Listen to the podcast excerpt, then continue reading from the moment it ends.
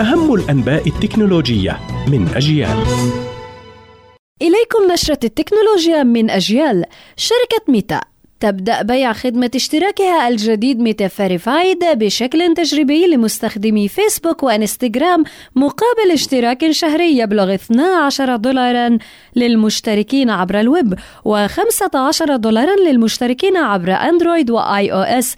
يحصل المشتركون على ميزات تتضمن علامة توثيق الحساب وحماية إضافية ضد انتحال الشخصية وأولوية الوصول لخدمة الدعم الفني وإبراز الحسابات الموثوقة. الموثوقة ضمن نتائج البحث والتعليقات وميزات حصرية مميزة مثل ملصقات حصرية للمنشورات وقصص إنستغرام. وأكدت الشركة أنه لن يطرأ تغيير على الحسابات الموثوقة سابقا خلال الفترة التجريبية للخدمة.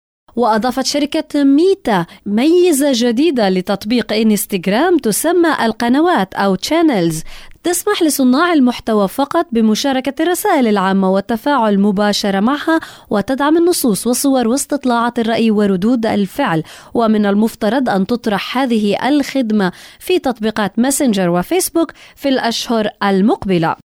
وفي نشرة التكنولوجيا أيضا شركة أوبو تطلق هاتفها الجديد فايند أند تو فليب المصنف من بين أفضل الهواتف الذكية القابلة للطي.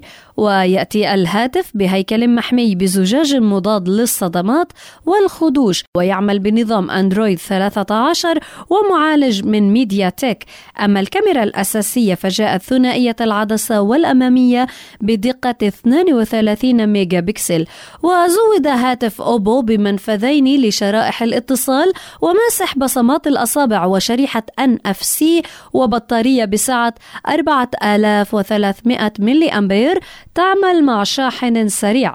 هذا ما كان لدينا في أخبار التكنولوجيا من أجيال لليوم. قرأتها عليكم ميسم البرغوثي. إلى اللقاء.